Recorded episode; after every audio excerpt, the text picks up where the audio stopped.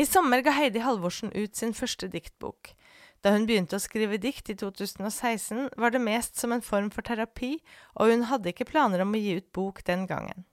Men diktene hjalp henne å komme gjennom perioder med helsemessige utfordringer, og mange likte diktene hennes. Fem år senere har boka Utsikt blitt godt mottatt, og er i høst kommet i andre opplag. Vi har besøkt Heidi Halvorsen hjemme i Våle, og samtalen ble ikke bare om dikt, men også om musikk, natur, synstap og tro. Hun er glad over den gode mottakelsen som boka har fått. Jeg har blitt ganske overvelda og overraska, egentlig. For jeg hadde ikke venta at det var så mange som ville ha boka, eller at det skulle selge så mye, da. Eh, jeg har liksom prøvd å si til folk liksom Ja, du kan godt lese litt inn før du bestemmer om du vil ha den. Men så har folk gitt veldig, veldig god respons, og egentlig alle slags folk. Eh, og det har kanskje også overraska meg litt. Eh, at også folk jeg ikke kjenner, og har gitt veldig god, god respons fra de jeg har hørt, i hvert fall. Mm. Hvordan får du denne responsen? Er det folk som stopper deg på gata? Eller? Nei. altså, det har jo noen som har kjøpt bøker som de har gitt bort i gaver til andre. Eh, og så kommer de og forteller meg at de andre som har fått den, da, har blitt veldig rørt. Eller så er det litt sånn tilfeldige tilbakemeldinger òg. Det var ei, eh, en student på min jobb som fortalte at moren hennes hadde kjøpt boka. Jeg kjenner ikke henne i det hele tatt. Og sa at det var den fineste boka hun hadde lest. Da ble jeg veldig rørt. Mm. For det, da kjenner de jo ikke meg heller. Nei, og, og, de kjenner gjerne ikke historien din Nei, heller. For dette er skrevet i en veldig spesiell periode for deg, har jeg forstått? Ja, det, det, er, det er jo det. Um, den, alle dikta er skrevet, skrevet i løpet av de siste fem åra, og det har vært fem år med mye skal jeg si, mye som har skjedd. Altså, jeg mista synet for 13 år siden, så det var ikke nytt sånn, men kanskje først for fem år siden jeg liksom ga sorgen rom, da, på en måte. Og i tillegg så har det skjedd en del andre ting, både med tro og med ja, mer sykdom, som jeg har opplevd. Sånn at det har vært en, fem år med ganske mange ting som har skjedd. Mm. Kan du ta oss med tilbake til eh, den tida da, eh, da synet ditt begynte å forandre seg? Mm. Em, sånn helt kort historisk, holdt jeg på å si, så, så fikk jeg diagnosen denne øyesykdommen jeg har, da jeg var 17 år. Eh, og da, normalt så ser, har man et synsfelt på 180 grader, og da oppdaga jeg at jeg hadde fem. Sånn veldig trangt tunnelsyn. Eh, så jeg kunne ikke ta førerkort på bil. Men jeg så jo klart, og jeg kunne lese og skrive, så jeg syns ikke sjøl at jeg så så veldig dårlig. Eh, altså, Endra ikke det seg før jeg var 28 og gikk gravid med vår eldste, vårt eldste barn. Og fra jeg var 28 til jeg var 30, så mista jeg resten av synet, da. Men, men den helt siste resten forsvant på en kveld da vårt eldste barn var to år, og han yngste som hadde kommet etterpå, han var syv måneder. Så det var veldig dramatisk eh, for oss som familie, da. Eh, Og da var jo mannen min på jobb eh, som førskolelærer, og jeg var hjemmeværende med barna våre. Og vi, vi fortsatte jo med det for det. Eh, Så det var en kjempetøff tid. Det var det. Hva innebar det for dere som familie? Akkurat når det skjedde, så var det jo Det ble veldig, veldig mye på mannen min, eh, selvfølgelig. Em, det var, det var jo sånn helt krisemodus. Mange som har spurt oss etterpå hvorfor ikke vi spurte noen om hjelp. Men akkurat der og da så var det så mer enn nok med å komme seg gjennom hver dag, på en måte. Eh, mate en sju måneder gammel baby med grøt uten å se, det, det blir mye gris. Eh, skifte blei Altså, det er så mange sånne ting som Selv om jeg så dårlig før det òg, på en måte, så, så hadde jeg litt restsyn som jeg utnytta veldig godt, da. Så den overgangen Ja, og en toåring òg som løper rundt overalt. Men altså, ja. Så det var, det var kaos eh, hjemme da. Men, men når man er midt i en krise, så, så har man jo ikke tid til å sette seg og reflektere så mye heller. Så det var på en måte bare liksom Dette må vi bare fikse. Så reaksjoner og sånn kommer kanskje først seinere, når ting begynte å ordne seg, og vi fikk hjelp og, og sånn. Da gikk mannen min på en smell, eh, og jeg ja, etter hvert fikk liksom ja, sørga litt, da. Mm. Du hadde også jobb i denne tida? Nei, det hadde jeg ikke. Jeg var nyutdanna når jeg gikk gravid med vår eh, eldste. Og så gikk vi på to år på bibelskole etter det når hun ble født, og så kom nummer to. Så da var jeg på en måte hjemme med de. Eller ikke på en måte, jeg var det.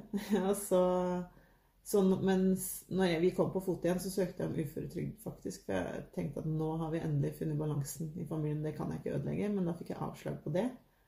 Så det var liksom veien inn til jobb. Så det var også en veldig lang prosess å få, få en jobb da, etter, etter dette. For jeg hadde ikke tenkt Eller ja, statistikken for blinde og jobb er veldig dårlig.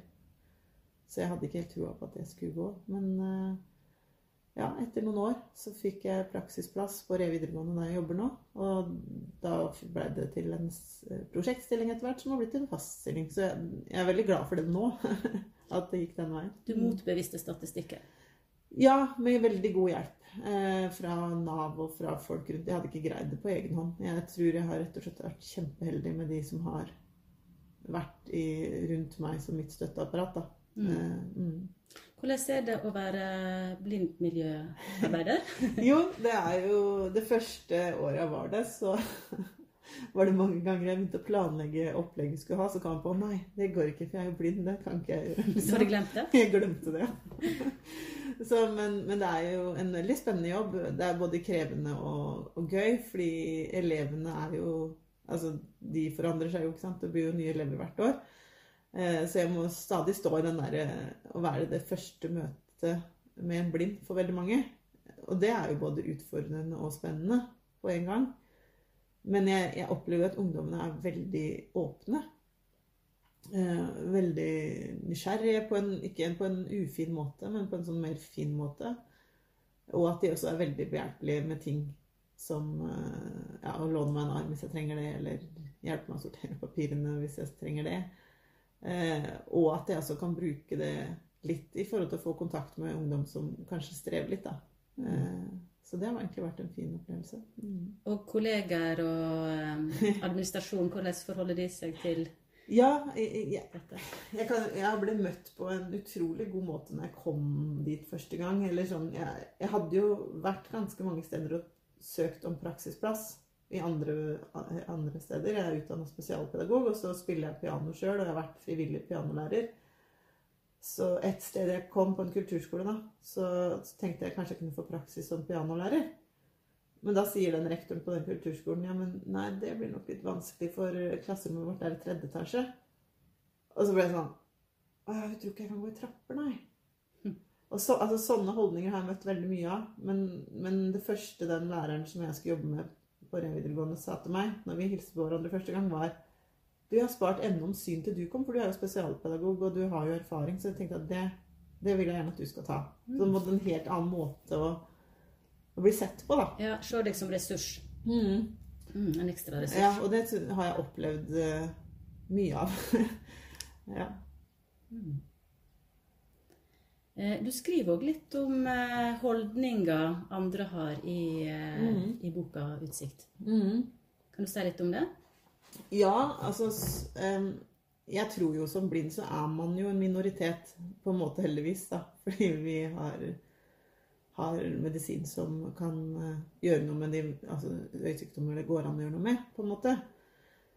Men da er det også vil man også møte hele tida den derre hva, hva, en annen person tror at jeg kan eller ikke kan. Um, altså Ja, man vil møte fordommer, på en måte, da, mot det å være blind. Ikke fordi at noen vil meg noe vondt, men bare uvitenhet og også ja, tanker om at f.eks. den hvite stokken min er den vekker for mye oppsikt at den burde du kanskje legge bort nå. Eh, og så er jo det mitt beste hjelpemiddel. Eh, da blir jeg jo veldig blind, da, på en måte, fordi da har jeg ingenting til liksom, å hjelpe meg med. Eller at man tenker at eh, Ja, nei, ja, dette blir vel for vanskelig for deg. Du kan ikke være med nå. Eller at noen liksom gjør veldig stort nummer av at de har tilrettelagt for meg. liksom, At de kan sånn, rope ut til en hel, hel, sal, eller ikke rope ut, men sånn Ja, nå har vi en blind her i dag, så nå har vi gjort om på programmet. Det er ikke sånn, En del sånne ting som på en måte blir så ja, lite ålreit for, for, den det gjelder. Da. Så det har jo lært meg mye i, i forhold til det å møte mennesker. Mm. Mm. Og slik jeg leser tekstene dine, ja. så får du på en måte fram begge, både den positive ja. innfallsvinkelen mm. og de som har disse fordommene Ja. og Ja, det er sant. For det, det er jo Jeg ble også blitt møtt utrolig godt på mange måter. Um, ja, mitt favorittsted er jo det der jeg begynte å skrive dikt. Et, eh, det det er de som driver den retreat- og gjestegård som ligger i Ringsaker. Og de som driver den gården, har Han har lagd blindveier til meg Jeg kaller det blindveier, da. I skogen. Altså lagt ut tatt her fra tre til tre et stykke i skogen. Lagt ut sånne tynne stokker langs bakken mange steder i skogen. Så jeg kan bare gå på tur der hvor jeg vil, nesten. Eller mange steder, da. Uten at jeg har bedt om det. Det er han som har dratt meg liksom ut i det og lokka meg med, holdt jeg på å si. mm. Og det er, ikke, det er jo ikke et sted for blinde. Det er liksom Han kjenner meg, liksom. Mm. Så, ja. Apropos natur. ja. Eh, flere av diktene dine handler jo om mm. det å være i naturen. Hva er ditt forhold til Ja, det er en historie som betyr mye for meg. Fordi sånn, jeg har vokst opp i Trøgstad i Østfold, og der er det ganske mye skog. Men jeg har ikke aldri vært veldig veldig glad i skogen sånn fra jeg var liten. Og når jeg mista synet, så la jeg bare hele det med naturen bort. Em, jeg tenkte at ja, men jeg ser den jo ikke likevel, på en måte. Det, det er på en måte Ja. Å ta på ting og sånn, det tenkte jeg det ser så rart ut, så det vil jeg i hvert fall ikke gjøre. Eh, og fordi Altså det med solnedgang, f.eks. himmel som er vakker, stjerneklart ikke sant? Altså Det blir så mye sorg i det å ikke se det, da, så jeg bare la det bort. Og så kom jeg til det stedet ja, Høgsvenn Retreat Vestergård på et kurs som egentlig var om noe helt annet. Eh, og så han Ulf, da, som han heter, han som har lagd de veiene til meg i skogen, han, han kjente jo ikke meg. Så, så, og jeg er såpass høflig at jeg sa ikke at, jeg ikke ville ut i skog eller i hagen. Så han tok meg med i hagen deres og 'kjenn her, ta på det, lukt på det'. Og jeg syntes det var utrolig ubehagelig. Um, og så tenkte jeg ja, men jeg har gjort sånn og sånn, her kan du kanskje finne fram sjøl. Og jeg, jeg tenkte liksom det går jo ikke. Jeg klarer ikke det. Jeg vil ikke det. Men så var det en morgen jeg våkna veldig tidlig. Jeg våkna klokka fem, og så var det frokost klokka åtte. Og så hadde jeg tenkte jeg skal sitte inne på rommet mitt i tre timer. Jeg har ingenting å finne på. Så jeg tenkte nå sover alle. Jeg kan faktisk kanskje prøve å tørre å gå ut og se om jeg finner den der hagen, da. og så gjorde jeg det, og så etter mye strev så fant jeg den. Og så turte jeg å ta på steinene, på gresset, på bladene. På en måte ta i naturen da, med de sansene jeg har igjen. Og det ble en veldig sterk opplevelse. Og starten på en måte det å åpne seg opp med de sansene jeg har igjen. da. Eh, og, og ta imot det vakre. Som, ja, altså Gud har jo faktisk gjort naturen veldig fin også for meg, faktisk. Mm. Mm. Så du kom på en måte nærmere Gud i den, Ja. Den opplevelsen? Det vil jeg si. For, ja, for det er så tydelig at han For meg i hvert fall så er det veldig tydelig at han er jo der. I midt i naturen. Eller han har skapt det. Ja, og, og han har gjort det sansbart til og med for meg når jeg ikke kan se det. nå. Mm. For eh, det er jo som eh, vi var inne på, flere av dikta som handler om eh, ditt forhold til, til Gud. Ja. Og eh, vil du si at det har Det, det gjenspeiler den prosessen du gikk igjennom ved å miste synet gradvis i Ja. disse dikta? Eh, En del av det gjør det. Jeg vet ikke ja, Det som kanskje eh, de- De fleste sånn litt sinte dikta til Gud i den boka er egentlig Eller jeg fikk MS for fire år siden. Eh, og da, da liksom Eller jeg hadde vel nok tenkt at ja, men jeg er jo blind, så det har, liksom, jeg har fått mitt, hvis du skjønner. Ja. Og så fikk jeg MS i tillegg, og da tenkte jeg Da liksom ble verden utrolig utrygg. Um,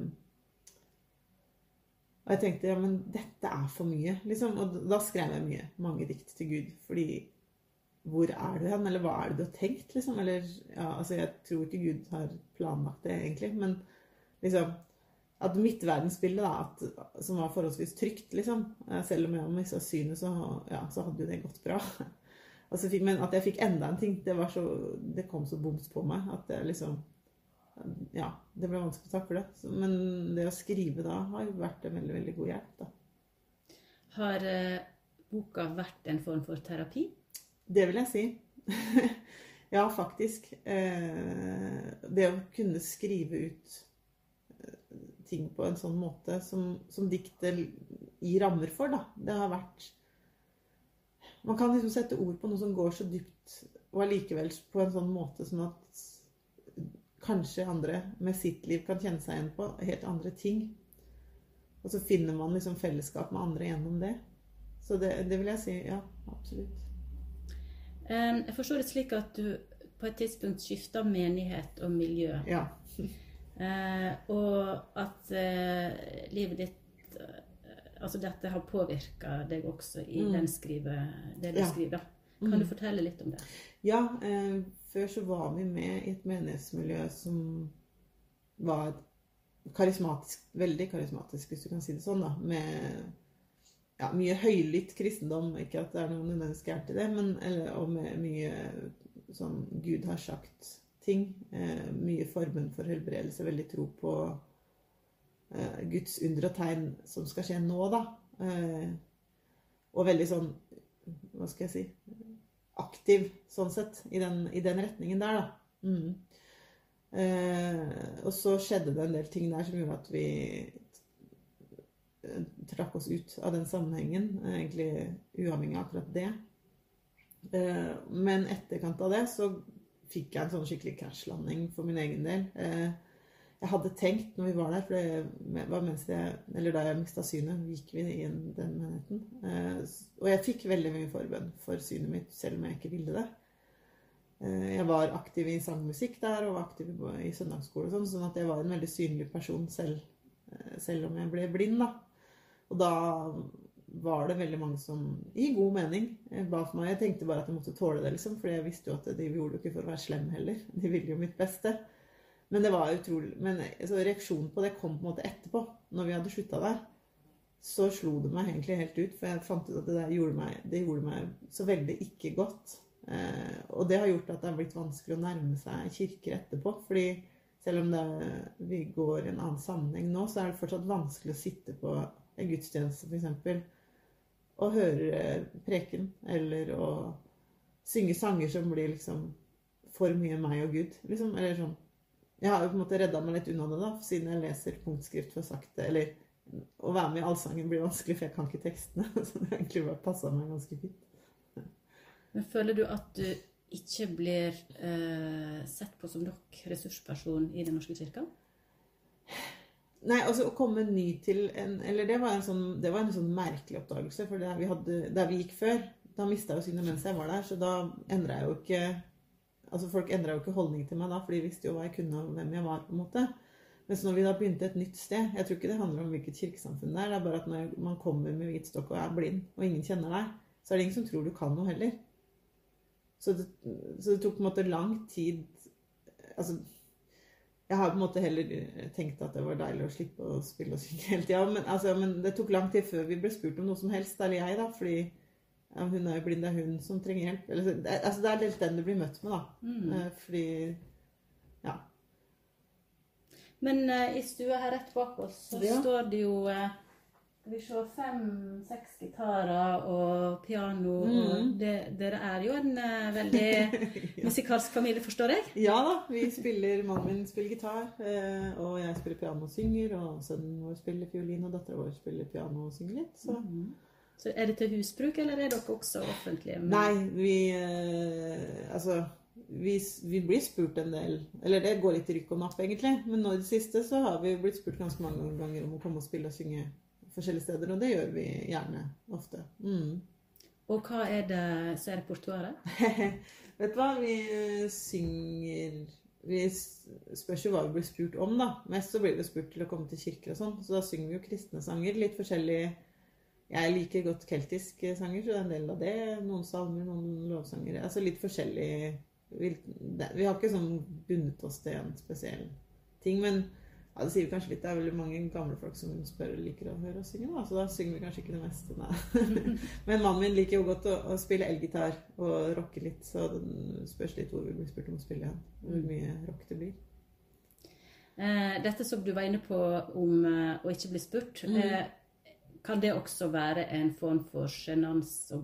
Altså at folk er Ja, litt forsiktig med det de ikke veit så mye om og forstår? det, ja, det tror jeg, for jeg tror ikke det er sånn Jeg tror ikke jeg blir, har sett, blitt sett ned på, på en måte. Det tror jeg ikke. Det er nok det. Er nok det.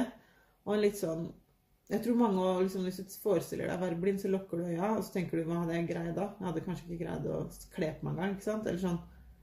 Og så glemmer de å tenke på at eh, de som de treffer som er blinde, har jo nok øvd ganske mye på det.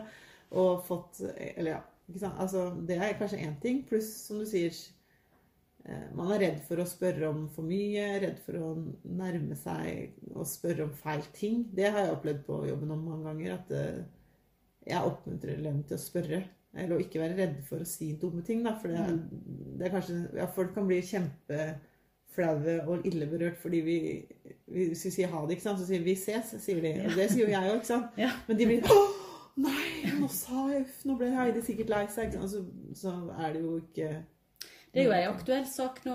NRK har eh, revidert ordforrådet ordforrådet Ja. sitt i forhold til eh, Ja. eh, hva, hva slags begrep en skal Ja. bruke om eh, funksjonsnedsettelse Mm, eh, generelt. Og da er det jo annet en del som handler om eh, de som ikke ser, da, Ja. synshemmede. Mm. Hva tenker du om det? Er de, Altså, jeg er nok litt politisk ukorrekt der, fordi min erfaring, da, spesielt fra jobben, er at folk er i utgangspunktet så redde for å si noe feil. Så hvis det kommer, når det kommer en sånn liste, så blir man ikke noe mindre redd for å si noe feil. mm. Så jeg syns egentlig det er litt dumt. Men jeg skjønner poenget, liksom. At, men Du har ikke blitt krenka av at noen sier Nei, jeg sier jo Blindestokk, sjøl, fordi at jeg veit at da skjønner folk hva jeg mener. Det er klart at Da er jeg jo med på å opprettholde det feil ordvalget. Jeg skjønner det. Men av og til så tenker jeg men det er jo Hva er det for noe gærent å si det? da? Jeg er blind, faktisk. Det er ikke noe skam i det. Liksom, eller jeg blir litt sånn, da. Kanskje mer. ja. det, Og de fleste er vel i beste mening når de Ja, det gjør det. Og, og så hvorfor skal man være redd for å kalle meg for blind? Jeg er jo det. Og det er jo, da blir det jo plutselig at det er et skamord, og det syns jeg er ganske ille hvis det blir det. Mm. Ehm, boka er jo delt inn tematisk. Ja. Eh, det er håp, Ja. eh, det er det å se hva en ser. Eh, utsikt er jo tittelen på boka. Mm. Eh, så vidt jeg leser, er du innom både vennskap og det her med tilhørighet i ulike miljø. Ja. Og så handler det om å være hudløs. ja. Kan du si litt om tekstene i den delen av boka? Ja, det er jo Mange av de tekstene er jo egentlig slags bønner til Gud. En del av de. Det er i veldig sårbare situasjoner, på en måte. Ehm, selve tittelen 'Hudløs' det er et dikt som heter 'Hudløs'. Og det, det har en veldig spesiell historie. Eh, det er jeg på en måte En av de gangene jeg virkelig har på en måte sluppet løs sorgen over å miste synet. da. Eh, foran et krusifiks, faktisk. eh, og jeg var, altså jeg var, når jeg lagde bok, eller satte sammen dikta jeg ville ha i boka, så var jeg litt sånn i tvil skal jeg ha med det. Men så tenkte jeg jo, det er faktisk et dikt som betyr mye for meg. Så det vil jeg gjerne ha med. Eh, og jeg tenker at eh, selv om de dikta er skrevet i veldig hudløse situasjoner for min del, så er det noe med diktformen som jeg i hvert fall har fått tilbakemeldinger på, da, som gjør at eh, når andre leser det, så, så blir det noe som kan liksom, ja, nå inn til andre likevel, på en måte, selv om jeg var veldig Eller kanskje det er fint også, at noen setter ord på det, som andre kanskje ikke har greid å sette ord på sjøl, eller ikke har turt. Og så er det noen andre som på en måte sier det ja, kanskje sånn som de ville sagt det sjøl, eller verre, eller ja. Litt sånn som når jeg leser de verste salmene i Bibelen, eh, som David har skrevet. Så blir jeg litt glad, fordi at jeg tenker at han, har- han, han har gått lenger enn jeg har gjort. Mm. ja. Det er litt godt å få utløp for de sterkeste følelsene. Ja, ja, sant. Og når, når og ja, så, ja, At det er greit, da, at det er lov. At noen liksom våger å gjøre det. Ikke alt skal være så At man må vente til man er ferdig liksom, med å komme gjennom det vonde før man kan si noe om det. da. Mm. Mm. Vil du ta et av dine dikt eh, som du har et eh, Ja, du har selvfølgelig et eh, sterkt forhold til Ja. alle, men Ja. har du en favoritt, kanskje? Ehm, eh, ja, må jeg tenke meg om litt. For det, altså, det er noen av de dikta som jeg ikke så ofte Jeg deler jo en del dikt når jeg rundt når jeg synger og spiller og sånn, men da tar jeg som regel ikke hudløsdikta, for å si det sånn, for det tør jeg ikke. Men, men et dikt som jeg skrev eh, eh, etter jeg fikk MS, som heter 'For mye', det er et dikt som jeg som betyr mye for meg personlig. Det gjør det. Mm. Skal se om jeg husker det, da. For mye. Er det lov? Kan jeg få lov å si at nå er det for mye? At livet virker for stort? At dagen virker for lang? At motbakken virker for bratt? Kan jeg få livet i en mer passende størrelse? Kan jeg gå og legge meg før dagen er over? Kan jeg snu og gå tilbake den veien jeg kom? Styrke som dagen er lang. En fred som overgår all forstand. En ånd som gir kraft, kjærlighet og visdom. Hvor blei det av alt sammen? Alle de vakre og trygge ordene? De glir vekk som sand mellom fingrene. For hvor er du når jeg trenger deg som mest? Bryr du deg ikke om hvordan jeg har det? Har du ikke tenkt å la meg se deg? Jeg er for sliten til å rope. Jeg er for redd og motløs til å hvile. Motløsheten holder tårene innelåst. Dette Dette er bare for mye. Jeg roper det ut likevel. En desperat bønn om at du er den jeg håper på. Tusen takk. Eh, og konteksten når Ja. du skrev dette, det Mhm. var Det var rett etter at jeg fikk eh, MS-diagnosen for Mm. fire år siden. Mm. Mm. Boka avslutter med noen tekster som eh, ja, det signaliserer håp og styrka styrker tro, Mm. eh, slik jeg leste. Og det, hvordan stemmer det? Det stemmer godt. Jeg, spesielt det siste, aller siste diktet, det vil jeg ha helt til slutt, fordi det er kanskje ja, et dikt som virkelig ja, Som betyr mye for meg, og som jeg er kanskje aller mest glad i, og som definerer veldig min tro, eller han jeg tror på, da. Nå. Mm. Så det var et bevisst valg å Ja. avslutte med håp. Ja. Og kanskje fordi Ja, jeg syns det Ja, jeg lik, liker det diktet veldig godt. Så, og det er et dikt som jeg sjøl hviler i, tror jeg. Mm. Og eh, det at du har fått så mye positiv respons for eh, Utsikt, Mm. bekrefter vel på en måte at det er mye håp og glede? Ja, jeg, jeg tror det. det. At det ikke ble for mye Jeg har jo ja, noen jeg kjenner veldig godt, da. Som er bestevenninna mi, blant annet. Så hun sa når hun leste boka, for hun kjenner jo veldig godt til alle nedturene mine også, at hun ble positivt overraska over at det var så mye håp i boka. For hun har jo også lest Det er jo en del dikt som ikke er med i boka, og som kanskje Ja, som jeg valgte å ikke ta med nå, da. Sånn at eh, Å få en balanse. Men det jeg syns jo det gjenspeiler livet mitt òg, fordi det er jo mye håp og glede i livet mitt. Mm. Mm. Er du en modig person? Andre syns det. Eh, Men jeg sjøl veit ikke om jeg er helt enig i det bestandig, for jeg føler meg jo veldig ofte ganske redd og Altså, jeg tror jeg ofte dumper mer borti ting. eh, Og liksom enn at jeg liksom bevisst velger å gjøre de tinga som folk vil se på som veldig modig, da. Eh, Ja, det å gi ut en diktbok er kanskje modig, men jeg Ja, jeg hadde liksom ikke det det er jo ikke sånn at jeg har gått og drømt om det i mange år å gjøre det, men så er det mange som har spurt etter en diktbok fordi de øh, liker dikta mine eller noe. Så da var det jo ikke så stor risiko å gi den ut, egentlig. Hva vil du si er hovedbudskapet ditt? Jeg, jeg syns tittelen og bildet på bo- boka, som en venn av meg har malt, er ganske Kanskje du Talende. reiser Ja. Det er, på forsiden så er det eh, Bildet er i en sirkel, og, og det er natt. Mm. Men det er stjerneklart. Ja. Det er eh, sånn skyggeom, eller sånn svart eh, omriss, holdt jeg på å si, av to mennesker, en stor og en liten. Kan være et, eh, en forelder og et barn, f.eks. Som sitter på en benk med en katt ved siden av seg, og et tre som står ved siden av benken, med en fugl i. Så ser de utover havet. Eh, I det høyre hjørnet, hvis jeg husker riktig, så er det et fyr som lyser. på en sånn liten, lite hus som står ved siden av fyret på et skjær. Mm. Så er det et skip med en korsmast som er eh, sånn i horisonten. Eh, og det som jeg syns er fint med det bildet, er at eh, Jeg tror han har fortalt meg om det, da, han som har malt det.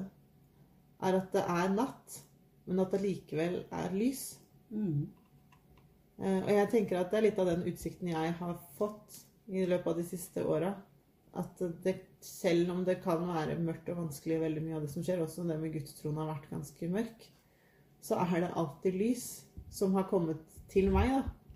Eh, ofte på uventa hold også. Fra mennesker som, jeg, som har kommet og vært der når jeg har trengt det, f.eks. Eller andre ting som har skjedd som har på en måte brakt med seg både glede og håp. da. Og nye oppdagelser som jeg aldri hadde trodd jeg skulle gjøre, som å gå i skogen aleine f.eks. Og hvor, hvilken glede det gir. da. Så jeg har på en måte oppdaga helt nye ting som ja, altså Gå på ski det likte jeg heller ikke da jeg var liten, men jeg, liker, jeg elsker å gå på ski. Jeg hadde ikke trodd jeg kom til å gjøre det til jeg mista synet, men så prøvde jeg egentlig mest for ungene sin skyld, for de liker å gå på ski. Og så er det jo så morsomt. Så du har begynt å gå på skien Ja. etter at du mista synet? Ja, det gikk jo litt når jeg var liten fordi jeg Ja. måtte det. For det gjorde jo alle. Men det var ikke noe god opplevelse. Jeg var ikke glad i å gå på ski i det hele tatt. Så jeg hadde ikke gått på ski på 20 år nesten. Så, men så prøvde jeg da for tre år siden. Ja. Med ledsager, da. Og det er så morsomt. Så nå gleder jeg meg til snøen kommer. da kan jeg gå på ski. Du tar utfordringa. Kan, ja, jeg gjør vel kanskje det. Eh, sånn sett. Og så lander jeg jo ofte veldig godt ut i det, da. Ja. Så mm.